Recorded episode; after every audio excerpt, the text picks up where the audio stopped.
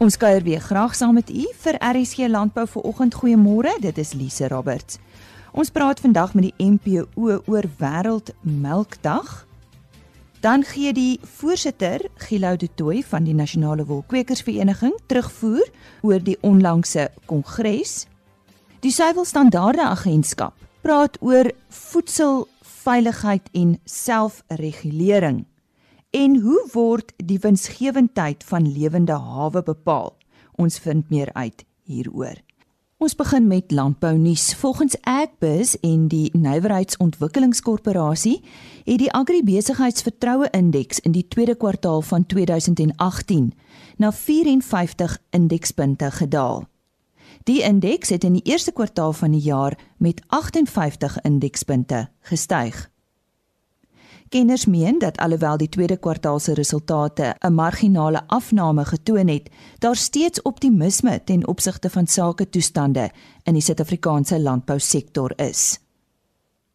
Wêreldmelkdag is 'n hoogtepunt op die suiwelkalender en die melkprodusentorganisasie het op 1 Junie saam met amper 80 lande wêreldwyd 'n huildronk gedrink op melk en melkprodukte. Nou Barbara Beeld van die MPO gee ons nou 'n bietjie meer agtergrond. Barbara, goeiemôre. Waarom is dit so belangrik om hierdie dag te vier? Uh dankie Lisa. Die suiwelbedryf speel 'n baie belangrike rol nie net op die ekonomiese front nie, waar dit een van die top 5 landboubedrywe in Suid-Afrika is, maar dit maak ook 'n aansienlike bydrae tot die land se voedselsekuriteit en sekerheid. En verder uh, kan ek seker nie die rol wat suiwel in 'n gesonde leefstyl speel vir beklemtoon nie. Hoe het die geleentheid sedert sy ontstaan gegroei? Ja, en wanneer het hy ontstaan? En die eerste wêreldmelkdag is in 2001 gevier deur net 'n paar lande. Maar dit het sedertdien gegroei tot een van die belangrikste geleenthede op die suiwelkalender. Uh in 2017 is #WorldMilkDay oor 72 uur in 77 lande gevier by 583 verskillende geleenthede. En dit is uh, alles gedoen om hulde te bring aan 'n produk wat soveel meer is as die som van sy selfe voedingsprodukte, naamlik melk. Nou ons weet julle het 'n heldronk gedrink, maar hoe het julle die uh, hoe het die MPO dit hierdie jaar gevier? Vertel ons.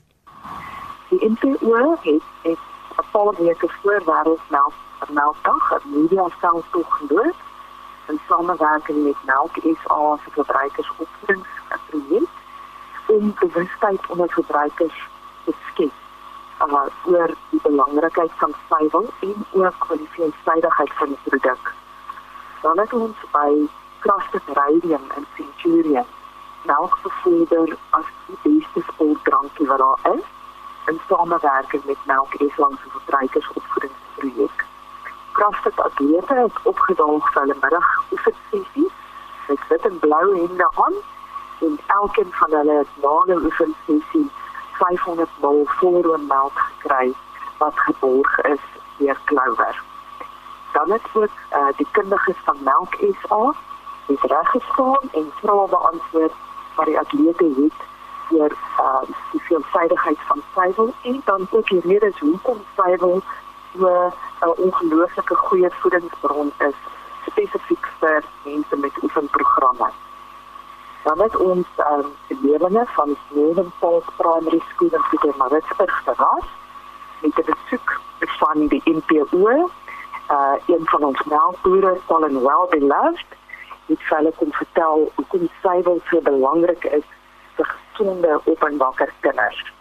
En elke leerling het dan ook 'n porsie lang lewe melk in handige sakkie ontvang wat deur Orange Grove Dairy geborg is. Die NPO personeel het ook uh saam wêreldmelkdag gevier met 'n besoek aan die bekende en bekroonde Belmori Boutique Boutique Cheesery in Popsfontein. Nou kom ons gesels so 'n bietjie oor sport en melk. Jy het vroeër genoem dat uh, dit so voordelig is vir atlete en mense wat strawwe oefening doen. Uh hoekom? Verduidelik vir ons. Dit is 'n melk so 'n unieke kombinasie van voedingsstowwe maak dit absoluut ideaal vir atlete om te gebruik in die eerste plek as 'n brandstof om hulle energie te gee en dan help dit hulle ook om vinniger van spierbeserings te herstel. Dit help met spierbou en dit is die beste hersteldrank na intensiewe oefensessies. 'n Span fees al wat deelgeneem het aan die 2018 Olimpiese Winterspele. Ehm um, sê dat 'n groot deel van hulle wenresep te danke is aan die feit dat hulle melk aan die atlete in elke liewe dag dis deel van hulle oefenprogram. Wat is van die ander kwaliteite van suiwel wat uh, dit so veelsidig maak?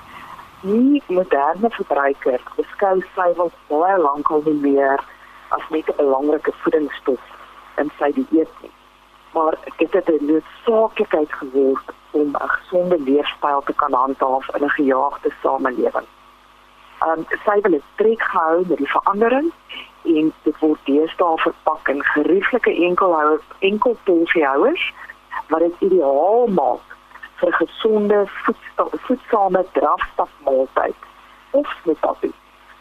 Jeugd vir ons buite die motor op pad werk toe 'n gegeurde melkie in 'n skoolkosblik of sportsak.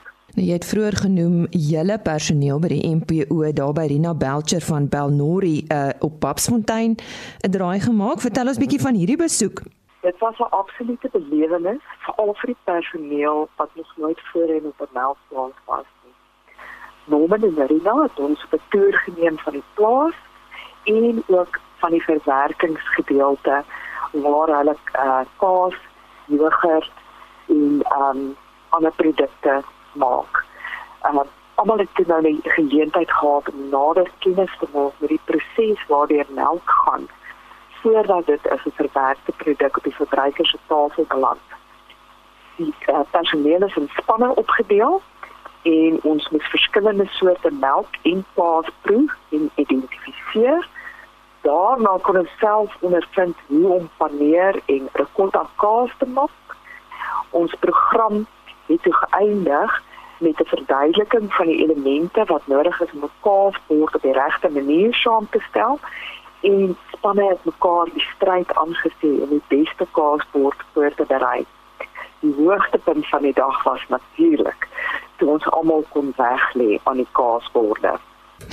Natuurlik, dit is altyd die lekkerste. Om die af te sluit Barbara, Daar is verseker 'n paar interessante feite oor suiwel waarvan ons verbruikers nou net dalk nie bewus is nie. Verskeie internasionale studies het bewys al dat die voedingssamestelling van suiwel help om die risiko van hoë bloeddruk, kardiovaskulêre siektes en diabetes te verlaag. Die kalsium in suiwelprodukte speel 'n baie belangrike rol in die regulering van liggaamsmassa. En daarom sien ons dat selfs hoë vetsuiwelprodukte al meer ingesluit word op die spyskaarte van verslankingsdieete. Die kalsium in suiwel is hoogs biobeskikbaar en dit maak 'n groot bydrae tot beendigheid. Dan is dit uh, ook alom bekend dat suiwelprodukte 'n rol speel in 'n gesonde verouderingsproses en dat dit 'n baie groot rol speel in die voorkoming van osteoporose. En dit was dan Barbara beeld van die MPO wat ons vertel het van die voordele van suiwel en ook hoe ons in Suid-Afrika op 1 Junie Wêreldmelkdag gevier het.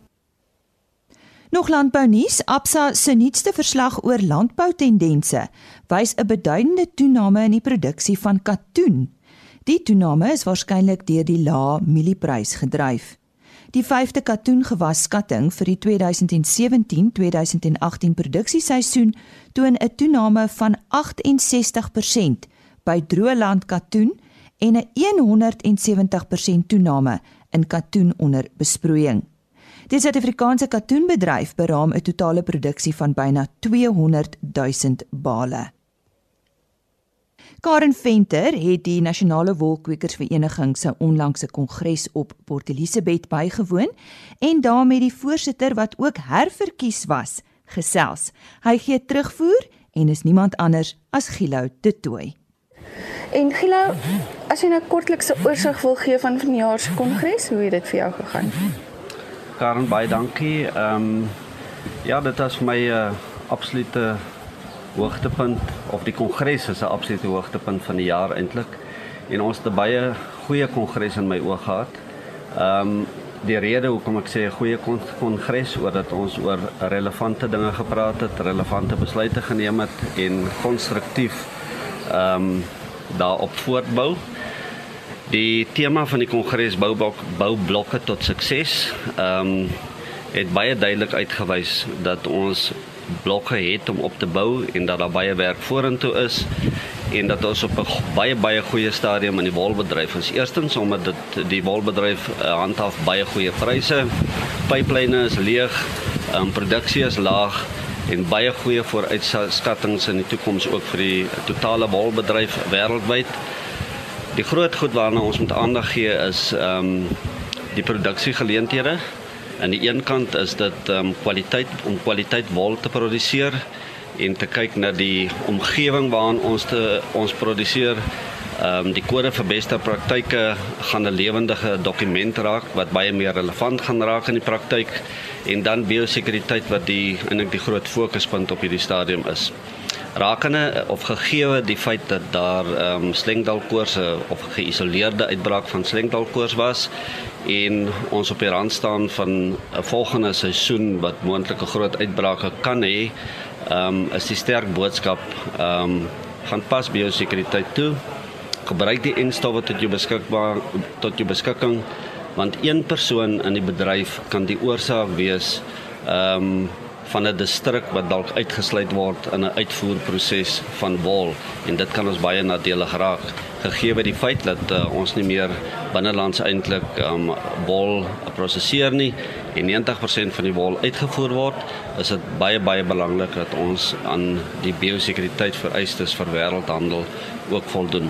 Ja, ek dink dit is absoluut die hoogtepunte uh, van die kongres. Ehm um, wat ek op hierdie stadium kan uitlig. Ons is deur 'n afgelope droogte. Daar is nog plekke wat redelike groot droogtes het. Um, ons motiveringsspreker net Janie Patter het ons uitgewys oor waar ons krag lê en dat ons ook bely dat ons in onsself nie baie krag het nie, maar dat ons ons krag ook put um, uit die woord van God en dat ons organisasie ook onder sy leiding staan en ons ehm um, kan ook maar sê ons suksesse en dit wat ons behaal die afgelope jaar gee ons al die eer aan ons Vader. Namens RC Landbou sê ons ook baie geluk aan Gilou de Tooi wat herverkies is as voorsitter van die Nasionale Wolkwekersvereniging. Nou oor na Henny Maas. Ons gaan uh, nou gesels met uh, Jompie Burger van die Suiwel Standaarde Agentskap. En die rede waarom ons uh, met hom gesels is uh, natuurlik voedselveiligheid want uh, hy werk ook met suiwel maar uh, u het so rukkie gelede gehoor van listeriose die gevaar van listeriose en dit impakteer direk op voedselveiligheid. Ek is ehm um, hallo Rini ek dink ja dis iets interessant wat ons nou gesien het die afgelope tyd vanaf 2017 en 18 die hele saak van listeriose en hoe dit absoluut die um, die voedsels uh, wêreld beïnvloed het vanuit 'n voedselveiligheidsoogpunt en veral met listeria as ons nou kyk hoe hierdie saak gepiek het in die identifisering van van hierdie organisme en presies wat gebeur het agterna nou ons sien op hierdie stadium uit die epidemiologiese kurwe van positiewe gevalle van listeriosis wat aangemeld is dat hierdie saak sou besig om af te plat en ons is nou basies dit lyk dit wil vir ons blyk dat dit op die einde is eh, weens die remedierende maatreëls wat in plek gestel is deur die owerhede in samewerking met die bedryf en so voort. Maar die impak daarvan natuurlik is geweldig as ons kyk van die skade wat dit aangerig het Ehm um, en dit bring ons net weer hier by die onderwerp, jy weet, waar staan ons met voedselbeheer in die land en hoe krities dit belangrik is dat elke voedselsektor sy eie waardeketting moet basies oppas en moniteer. Dit is baie belangrik dat elke sektor alles in sy vermoë doen om hierdie risiko's te mitigeer. Dit is uiteraard nie altyd so maklik nie, want elke waardeketting van hierdie sektore verskil en daar's 'n verskeidenheid van invloed wat 'n impak kan speel veral op hierdie produkte wat baie sensitief is en hoë risiko produkte is waarin 'n patogeen soos Listeriosis sy weg kan vind na die verbruiker toe. So en jy weet eh, dit is net nie 'n eenvoudige saak van kom ons kyk as 'n produk geprosesseer is, is die hitte manipulasie op daai produk goed genoeg, dis hy gepasteuriseer sodat hy nou kan deurgaan as 'n produk wat geag word is veilig vir die verbruiker nie. Dit is regtig ware siening wat ons neem en dit is amper 'n filosofiese benadering van daai produk die uh, sy waardeketting van die dag van produksie af en die beheer oor die prosesse en die produkspesifikasies, die monitering daarvan en die implementering van regstellende stappe regdeur die waardeketting tot by die kleinhandel uit waar die verbruiker daai produk gaan koop. Nou die wet, die wet is uiteraard baie duidelik wanneer dit kom met sake oor patogeenbeheer en voedselveiligheid. Nou patogeen uh, beheer in die algemeen, dit sluit nou listeriosis en enige ander vorm van 'n uh, bakterie wat 'n voedselgedragte infeksie kan veroorsaak en selfs voedselvergiftiging, want daar's 'n wesenlike verskil tussen die twee. En dit moet ons mooi verstaan. Dit gaan oor 'n saak van voedselveiligheid.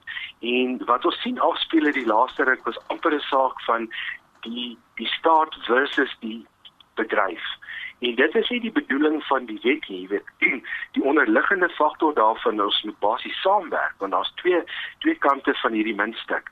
Die die die wet sê onder die wet op voedingsmiddels dat 'n persoon mag nie. Met ander woorde, ek mag nie 'n produk vervaardig of toelaat dat hy na vervaardiging so hanteer word dat hy dan 'n gevaar vir menslike gebruik gaan veroorsaak nie. So daar kan ons duidelik sien die waardeketting speel 'n geweldige baie belangrike rol. Met ander woorde is ek 'n produk vervaardig en daar's al reeds listeria teenwoordig in daai produk en hy's verpak en hy eindig in die kleinhandel. Dan moet ons nou kyk waar lê hierdie risiko's en uh, wie wie is verantwoordelik vir hierdie risiko wat in die hande van die verbruiker beland. Ehm um, dit is nie altyd so maklik nie want wat sê die reguleerder? Jy mag nie en die die onus lê nie noodwendig op die staat om die hele tyd te kom kyk of daai voedselsektor doen wat hy veronderstel is om te doen nie. Dit is inherënt die plig van die vervaardiger van daai produk om seker te maak dat sy huis is in orde. En daaroor wil ek sê nee, 'n baie belangrike ding wat ons nou moet kyk in hierdie land van ons en dit is 'n nuwe dispensasie, 'n nuwe bedeling, is die saak van selfregulering. Dis krities belangrik dat elke voedselsektor deur sy waardes is sy sy sy waardeketting sal gaan gaan kyk wat kan hy doen om sy saak te verbeter en homself uh, vry te stel van hierdie risiko's tot 'n groot mate. En ongelukkig is dit so in die proses van selfregulering is dit 'n saak van interne beheer maar ook dat die bedryf in sy geheel gaan kyk na homself en watter waardesisteem hy kan inbou die die beskikbaarstelling van normes en waardes wat ehm um, al is dit etiese waardes waaraan hierdie bedryf moet voldoen. Ehm um, die samewerking met die owerhede om miskien nuwe regulatoriese bedelings daar te stel, nuwe wetgewing om die saak van monitering en beheer beter uit te voer. Maar ek dink dit is krities belangrik dat elke sektor homself so sal posisioneer dat hy 'n wesenlike impak maak. En dit sluit in om nie deel te neem aan dit wat die wetgewer probeer bereik. Neem deel aan die prosesse van beleidsmaking en die skryf van wetgewing en regulasies. Want aan die einde van die dag moet dit tog so wees dat die bedryf kan vanuit 'n ekonomiese oogpunt goed oorleef terwyl hy al die voedselveiligheidsmaatreëls in plek sit. En nie, ek kan net kortliks noem uit die suiwelbedryf wat ons geleer het, krities belangrik dat die saak ondersoek word van selfmonitering neem die onus op jouself as 'n bedryf.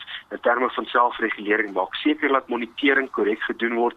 Die implementering van beheermaatreëls reg gedoen word werk saam met die staat effektiewe kommunikasie tussen die rolspelers in hierdie waardeketting wat insluit die staat uh krities belangrik en dat so in die proses van selfregulering hierdie verskillende voedselsektore sal fokus op die aspekte van ondersteuningsdienste. Maak seker dat daar riglyndokumente vir die bedryf is vir die verskillende rolspelers of van produksie verwerking tot in die kleinhandel. Skep 'n netwerk van kommunikasie praat met die mense laat ons hierdie uh grys areas tussen hierdie silo's kan nouer maak en dan maak seker dat daar 'n fasiliteit is dat as die rolspelers navra het, dat mens effektief met hulle kan praat en kommunikeer sodat die regte inligting op die tafel kom. Wat doen al hierdie goed? Dit haal ons uit 'n reaktiewe bedeling uit, so ver moontlik en help ons om proaktief op te tree in die belang van voedselveiligheid, openbare voedselveiligheid. Dit was dan uh, Jompie Burger van die Suiwel Standaarde Agentskap. Dankie Henny. Nog nuus, die departement van landbou, bosbou en visserye het bevestig dat die motte wat in Mei maand in lokvalle in die Wes-Kaap gevind is, herfskomando wurms is. Die lokvalle is in Lucernvelde by rivier sonder end in die Wes-Kaap en in Koringlande op twee plase by Swellendam geplaas. Volgens Graan SA moet lokvalle nou uitgebrei word na graanplase by Napier en Caledon, Mamasbury, Moreesburg, Piketberg, Klein Willem en Vredendal. Vroeger in Mei is berig dat die herfskomando wurm ook naby George in die Wes-Kaap opgespoor is. En ons sluit nou weer aan by Karen Venter. Dit is dag 2 van die NWKV kongres in PE en ek gesels 'n bietjie met dokter Antoni Geier van die Universiteit van die Vrystaat. Hy is direkteur van landbou en ontwikkeling. Dokter, u spesialiseer in die ekonomie van lewende hawe. Watter tegnieke word gebruik om die winsgewendheid van lewende hawe te bepaal? Wat belangrik is vandag is dat 'n mens kyk na die besluitneming en dat daar betroubare inligting nodig is. Ehm um, as ons dink in terme van die ekonomie van lewende hawe, dan gaan dit ook oor die interpretasie van die huidige resultate wat op die tafel is. En dit is wat wat vir ons bring na 'n volgende afdeling waar ons meer gaan kyk na watter tegnieke gebruik word.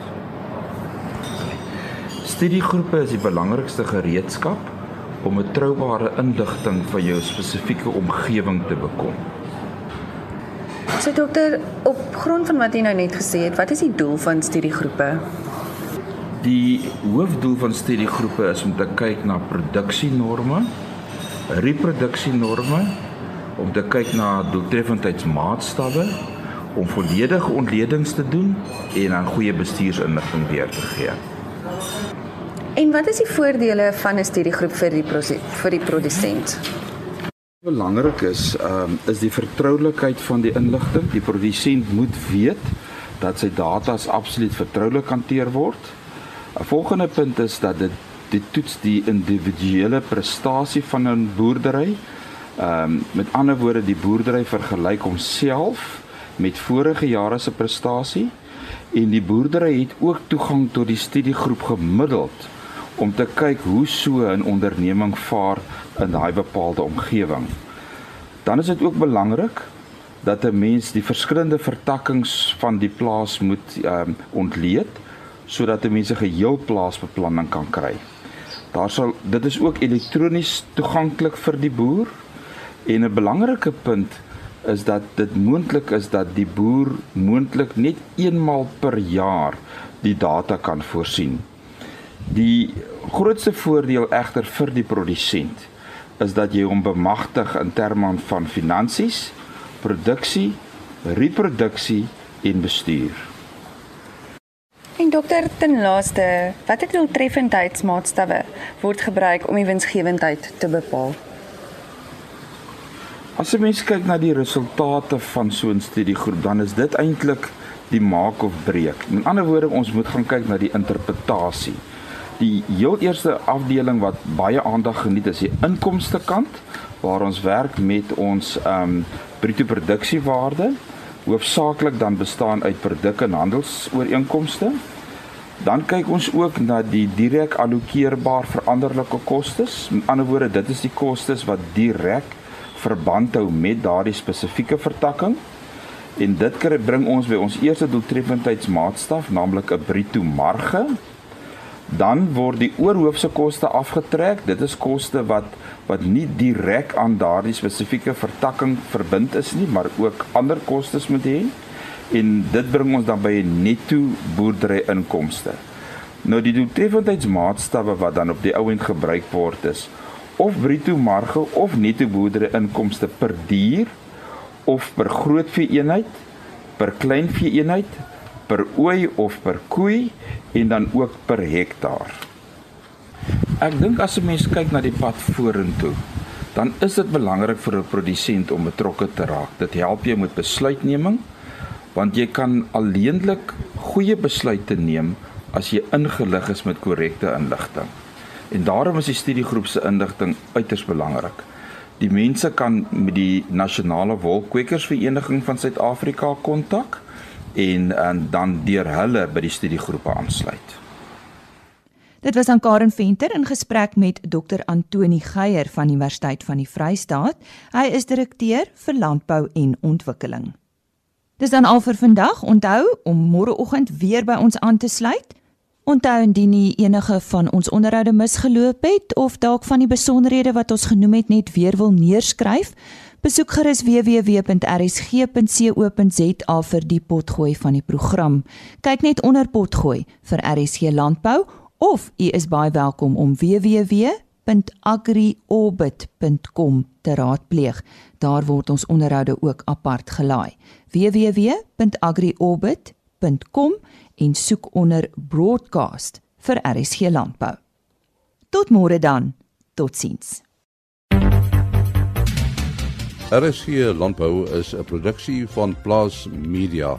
Produksieregisseur Henny Maas Aanbieding Lisa Roberts. en inhoudskoördineerder Jolandi Root.